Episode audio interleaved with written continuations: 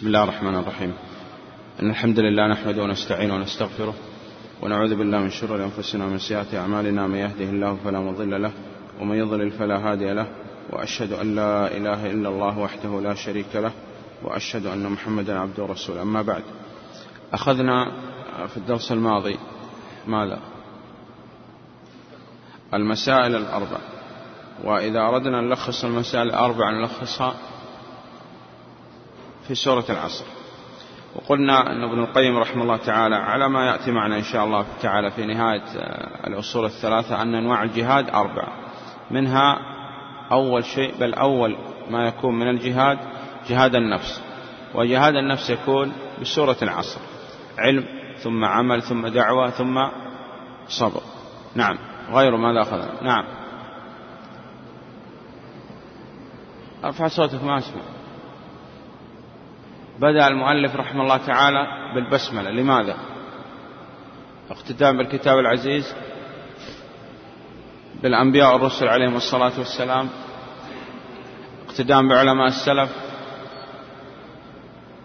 تيمنا وتبركا بدأ بسم الله عملا بحديث كان لا يصح. نعم. دعا المؤلف رحمه الله تعالى للطالب والقارئ في الأصول الثلاثة في ثلاث مواضع وهذا دليل على أن المؤلف رحمه الله تعالى يرغب أن كل خير يلحق بالطالب. أقسام الصبر أخذنا. أولا صبر على طاعة الله حتى تؤدى حتى تجتنب. وصبر على أقدار الله أن قدر نازل بك لا محالة غيره. نعم. شروط الدعوة. الإخلاص علم الشرعي معرفة حال المدعو الحكمة والصبر. وغيره. نعم. نعم. نعم وقلنا أن المؤلف رحمه الله تعالى يعني هذه من طريقة المؤلف في التصنيف أنه يذكر مسائل حتى تضبط وتحفظ وهذا في الأصل مأخوذ من النبي عليه الصلاة والسلام أنه كان يذكر المسألة المقرونة بالعدد حتى تضبط. نعم. نعم. الذي يتعلم ولا يعمل فقد شابه اليهود. يعرفون كما يعرفون أبناءهم. والذي يعمل بلا علم في شبه بالنصارى. نعم. ومن حلف بغير الله فقد كفر أو أشرك. وليس لنا أن نقسم إلا بالله. نعم. أي نعم. هذا من أحسن ما يكون. أنه ما يذكر مسألة إلا مقرونة بالدليل. من يقرأ لنا؟ درس جديد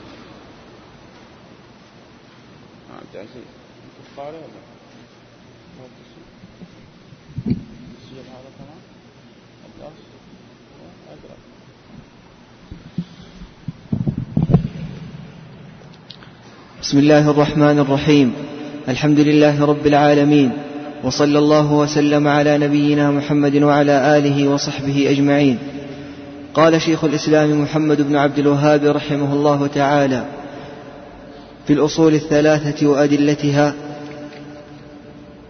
اعلم رحمك الله أنه يجب على كل مسلم ومسلمة تعلم هذه المسائل الثلاث والعمل بهن. الأولى أن الله خلقنا ورزقنا ولم يتركنا هملا بل أرسل إلينا رسولا فمن أطاعه دخل الجنة. ومن عصاه دخل النار والدليل قوله تعالى إنا أرسلنا إليكم رسولا شاهدا عليكم كما أرسلنا إلى فرعون رسولا فعصى فرعون الرسول فأخذناه اخذا وبيلا. الثانية أن الله لا يرضى أن يشرك معه أحد في عبادته لا ملك مقرب ولا نبي مرسل. والدليل قوله تعالى وأن المساجد لله فلا تدعوا مع الله أحدا. الثالثة أن من أطاع الرسول ووحد الله لا يجوز له موالاة من حاد الله ورسوله ولو كان أقرب قريب. والدليل قوله تعالى لا تجد قوما يؤمنون بالله واليوم الآخر يوادون من حاد الله ورسوله ولو كانوا آباءهم أو أبناءهم أو إخوانهم أو عشيرتهم أولئك كتب في قلوبهم الإيمان وأيدهم بروح منه ويدخلهم جنات تجري من تحتها الأنهار خالدين فيها رضي الله عنهم ورضوا عنه. أولئك حزب الله ألا إن حزب الله هم المفلحون. قال المصنف رحمه الله اعلم رحمك الله. بسم الله الحمد لله والصلاة والسلام على رسول الله. على ما قسمنا في الأصول الثلاثة ذكرنا أن المؤلف رحمه الله تعالى ذكر القسم الأول المسائل الأربع. والقسم الثاني هذا بإذن الله درس اليوم المسائل الثلاثة. وقلنا لابد أن نفرق بين الأصول الثلاثة والمسائل الثلاثة. الأصول الثلاثة أسئلة القبر. والمسائل الثلاثة إذا أردنا أن نلخصها نلخصها على ما يلي نقول أن المسألة الأولى فيها إفراد الله سبحانه وتعالى بالربوبية وبالأسماء والصفات. المسألة الثانية إفراد الله سبحانه وتعالى بالألوهية. المسألة الثالثة البراءة من الشرك وأهله. قبل هذا نعرف التوحيد. التوحيد لغة مصدر وحد الشيء إذا جعله واحدا. ودائما لا نهتم إلى التعريف اللغوية بل نهتم إلى التعريف الشرعية لأن الله سبحانه وتعالى تعبدنا بالشرع. التوحيد شرعا إفراد الله سبحانه وتعالى بما يختص به من الربوبية والألوهية والأسماء والصفات. إذا هذا معناه أن التوحيد ينقسم إلى ثلاثة أقسام ربوبية وألوهية وأسماء وصفات. توحيد الربوبية مجرد تقول توحيد قل هو إفراد. توحيد الربوبية هو إفراد الله سبحانه وتعالى بأفعاله أو إفراد الله سبحانه وتعالى بالخلق والملك والتدبير. توحيد الألوهية إفراد الله سبحانه وتعالى بالعبادة أو بأفعال العباد. توحيد الأسماء والصفات هو إفراد الله سبحانه وتعالى بما سمى ووصف به نفسه في كتابه أو على لسان رسوله صلى الله عليه وسلم. وذلك بإثبات ما أثبت لنفسه ونفي ما نفى عن نفسه من غير تحريف ولا تعطيل وغير تكييف ولا تمثيل. نحن طلاب والطالب لابد قلنا يرجع إلى العلماء الربانيين ولو ردوه إلى الرسول وإلى أولي الأمر منهم لعلمه الذين يستنبطونه منهم. ولولا فضل الله عليكم ورحمته لاتبعتم الشيطان إلا قليل. فلا بد أن الطالب يحفظ التعاريف التي اعتمدها العلماء. إذا مثلا قيل لك ما تعريف الطاغوت؟ تقول تعريف الطاغوت على ما ذكر ابن القيم رحمه الله تعالى ما تجاوز بالعبد حده من معبود أو متبوع أو مطاع. تذكر التعريف كما ذكر ابن القيم ولا تغير فيه حرف حتى تتمكن في العلم. وبعد هذا اصنع ما شئت. لكن الآن لابد أن تأتي بالتعاريف التي جاء بها علماء السلف. إذا عرفنا التوحيد لغة وشرعا وعرفنا أنواع التوحيد الثلاثة. وقلنا أن توحيد الأسماء والصفات هو إفراد الله سبحانه وتعالى بما سمى ووصف به نفسه في كتابه أو على لسان رسوله صلى الله عليه وسلم. هذا دليل أن الأسماء والصفات توقيفية توقف فيها على ما ورد في الكتاب والسنة ولا تجاوز القرآن والحديث كما ذكر هذا الإمام أحمد رحمه الله تعالى. وذلك بإثبات إذا لابد نثبت كل ما أثبت الله لنفسه وأثبت له رسوله صلى الله عليه وسلم. وذلك بإثبات ما أثبت لنفسه ونفي ما نفى عن نفسه. وأهل السنة والجماعة في الصفات المنفية ينفون عن الله سبحانه وتعالى كما نفى عن نفسه وكما نفاها عنه رسوله صلى الله عليه وسلم مع إثبات كمال الضد لأن النفي المحض ليس بكمال. وذلك بإثبات ما أثبت نفسه ونفي ما نفى عن نفسه من غير تحريف ولا تعطيل ومن غير تكييف ولا تمثيل. ذكرنا هذا التعريف. لو جانا طالب وقال لا من غير تحريف ولا تعطيل وغير تكييف ولا تشبيه نقول لا خطأ. وسوف يأتي معنا لماذا يعني ذكرنا من غير تحريف ولا تعطيل غير تكييف ولا تمثيل ولم نقل تشبيه. طيب. نعم. قال قال رحمه الله اعلم رحمك الله. اعلم رحمك الله. وقلنا هذا الموضع الثاني في الأصول الثلاثة من المواضع التي دعا فيها المؤلف رحمه الله تعالى للطالب. وهذا دليل أن المؤلف رحمه الله تعالى يرغب أن كل خير يلحق بالطالب. نعم. اعلم رحمك الله أنه يجب على كل مسلم ومسلمة تعلم هذه المسائل الثلاث. على كل مسلم ومسلمة. يعني هذا لا يلزم فقط الرجال دون النساء. نعم. أنه يجب على كل مسلم ومسلمة تعلم هذه المسائل الثلاث والعمل بهن. وعلى ما تقدم علم ثم عمل ثم دعوة ثم صبر. نعم يصبر أولا على العلم وثانيا العمل وثالثا على الدعوة.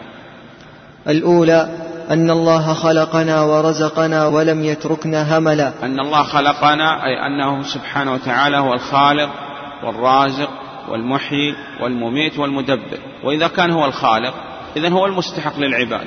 وهذا كثير في القرآن على ما سيأتي معنا إن شاء الله تعالى. أن الله سبحانه وتعالى يحتج على الكفار الذين بعث فيهم النبي صلى الله عليه وسلم أنهم أقروا بتوحيد الربوبية. وكان يلزم هذا الإقرار بتوحيد الألوهية.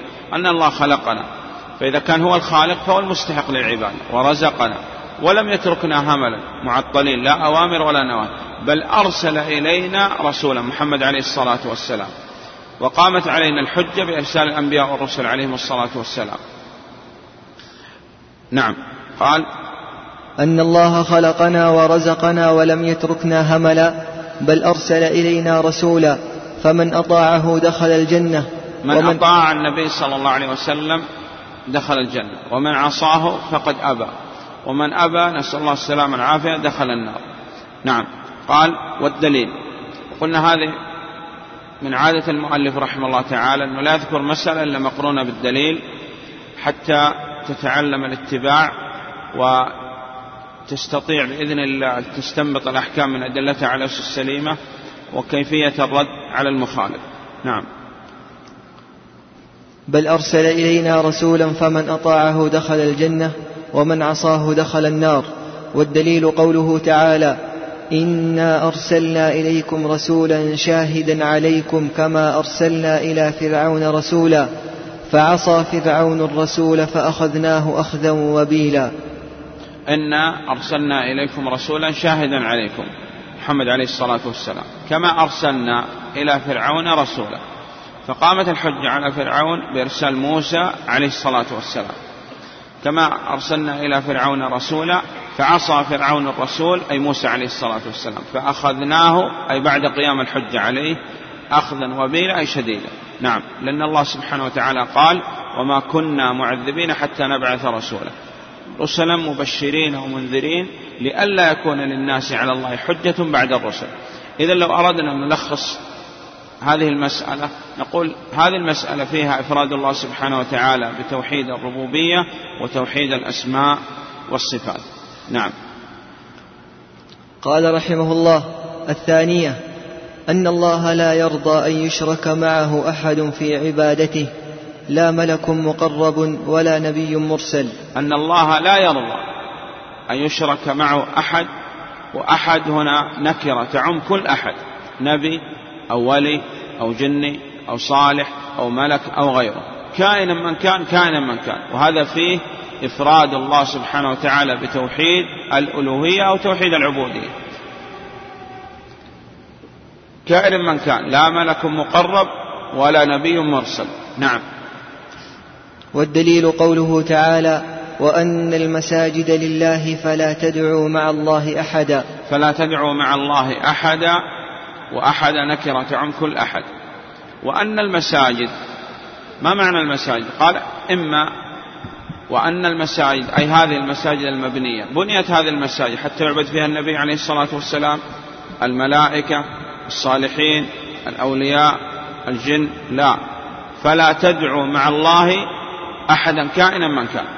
أو وأن المساجد النبي صلى الله عليه وسلم قال وجعلت لي الأرض مسجدا وطهورا. فالأرض أي مكان تسجد فيه فقد اتخذت مسجد. أو وأن المساجد أي أعضاء السجود من خلقها؟ خلقها الله سبحانه وتعالى. إذا لا يمكن أن تصرف بالسجود لغير الله سبحانه وتعالى. إذا المساجد فيها ثلاثة أقوال. المساجد المبنية أو المساجد أعضاء السجود أو المساجد الأرض ويصح الجميع. فلا تدعوا مع الله أحدا وقلنا أحدا نكرة تعم كل أحد نبي أو ولي أو جني أو صالح أو ملك أو غيره. وقلنا هذه المسألة إذا أردنا أن نلخصها نقول إفراد الله سبحانه وتعالى بالألوهية أو العبودية وأن الله لا يرضى أن يشرك معه أحد وأن الكفار الذين بعث فيهم النبي عليه الصلاة والسلام أقروا بتوحيد الربوبية وحصلت بينه وبين النبي عليه الصلاة والسلام الخصومة في هذا التوحيد في توحيد الألوهية مع أنهم كان عندهم شيء من العبادة لله لكن قاتلهم النبي عليه الصلاة والسلام حتى تكون العبادة كلها لله. ولا أنتم عابدون ما أعبد ولا أنا عابد ما عبدتم. يا أيها الناس اعبدوا ربكم. نعم. قال رحمه الله الثالثة أن من أطاع الرسول ووحد الله لا يجوز له موالاة من حاد الله ورسوله ولو كان أقرب قريب. هذه المسألة المسألة الثالثة فيها البراءة من الشرك وأهله. المؤمن يحب في الله حب كامل والكافر لا بد أن يبغض في الله سبحانه وتعالى. والفاسق المسلم الفاسق نسأل الله السلامة والعافية يحب بما فيه من إيمان ويبغض بما فيه من معصية وفسق. طيب كيف تكون البراءة من الشرك وأهله؟ قال تكون البراءة من الشرك وأهله بالقلب واللسان والجوارح. بالقلب لا بد أن يبغض الكفار وأعيادهم واحتفالاتهم وطقوسهم والشركيات والبدع. باللسان يعلن هذا ويصرح بلسانه. إنني براء مما تعبدون. ولا أنتم عابدون ما أعبد ولا أنا عابد ما عبدتم. بالجوارح لا يشارك الكفار في أعيادهم واحتفالاتهم وطقوسهم ولا يلبس لباسهم ولا يعني ينظر إليهم نظر إعجاب وغيره. لأن إبراهيم عليه الصلاة والسلام إمام وخليل وكسر الأصنام بيده وأثنى الله سبحانه وتعالى عليه. وبعد هذا يقول واجنبني وبني أن نعبد الأصنام. قال يا رب اجعل عباد الأصنام في جانب وأنا في جانب آخر. يقول ما أريد أن أراهم فضلا أن أشاركهم في أعيادهم واحتفالاتهم وطقوسهم وألبس لباسهم وغيره. إمام أهل السنة الإمام أحمد رحمه الله تعالى يقول إذا رأيت الكافر أغمضت عيني مخافة أن أرى عدو الله. يقول ما أريد أن أراه لأن هذا عدو لمن؟ لله. ولا بد أن نفرق بين باب الدعوة وبين باب النظر والإعجاب بهم والاقترار بهم ومخالطتهم ما لذلك ولذلك قال عليه الصلاة والسلام لا تتراءى نارهما يعني نار المسلم ونار الكافر. فإذا أوقد الكافر نار يعني كان له مكان يجلس فيه فلا بد أن تبتعد حتى لا ترى نار الكافر. وهذه من تحقيق البراءة من الشرك وأهله. ولذلك قال إبراهيم عليه الصلاة والسلام واجنبني واجنبني يعني هذا أبلغ في البعد عن هؤلاء. يعني اجعلهم في جانب وأنا في جانب آخر. لا أريد أن أراهم. قالت الهرة قولا جامعا كل المعاني. أشتهي ألا أرى القردة ولا القردة يراني هذا عدو لله سبحانه وتعالى. فكيف يكون يعني حال بعض من يعني ينتسب إلى الإسلام؟ أنه يتفرج على الأفلام الغربية أو المصارعة الحرة أو ما أو يعني كأس العالم وغيره. فلا يمكن تحقيق البراءة من الشرك وأهله إلا بهذه الأمور الثلاثة قلب ولسان وجوارح. نعم. قال رحمه الله والدليل قوله تعالى لا تجد قوما يؤمنون بالله واليوم الآخر يوادون من حاد الله ورسوله ولو كانوا ولو كانوا آباءهم أو أبناءهم أو إخوانهم أو عشيرتهم أولئك كتب في قلوبهم الإيمان وأيدهم بروح منه ويدخلهم جنات تجري من تحتها الأنهار خالدين فيها رضي الله عنهم ورضوا عنه. أولئك حزب الله ألا إن حزب الله هم المفلحون. فإذا أردت أن تكون من حزب الله ومن المفلحين ومن الذين رضي الله سبحانه وتعالى عنهم وهذه الآية في إثبات صفة الرضا لله سبحانه وتعالى اللائق به ولا السنة والجماعة يثبتون لله سبحانه وتعالى رضا حقيقي لقدرة عظمته. لا يماثل رضا المخلوقين يثبتون الرضا ويثبتون مقتضى الرضا. فلا بد أن يكون ولاءك وبراءك لله سبحانه وتعالى. والله أعلم. وصلى الله على محمد وآله وصحبه وسلم. ماذا أخذنا؟ نعم. لا بد أن نفرق بين الأصول الثلاثة والمسائل الثلاثة. قلنا الأصول الثلاثة باختصار أسئلة القبر. والمسائل الثلاثة باختصار المسألة الأولى توحيد الربوبية وتوحيد الأسماء والصفات. يعني إثبات لابد أن نثبت لله. الربوبية والأسماء والصفات. والمسألة الثانية إفراد الله سبحانه وتعالى بتوحيد الألوهية أو بالعباد. المسألة الثالثة البراءة من الشرك وأهله. نعم.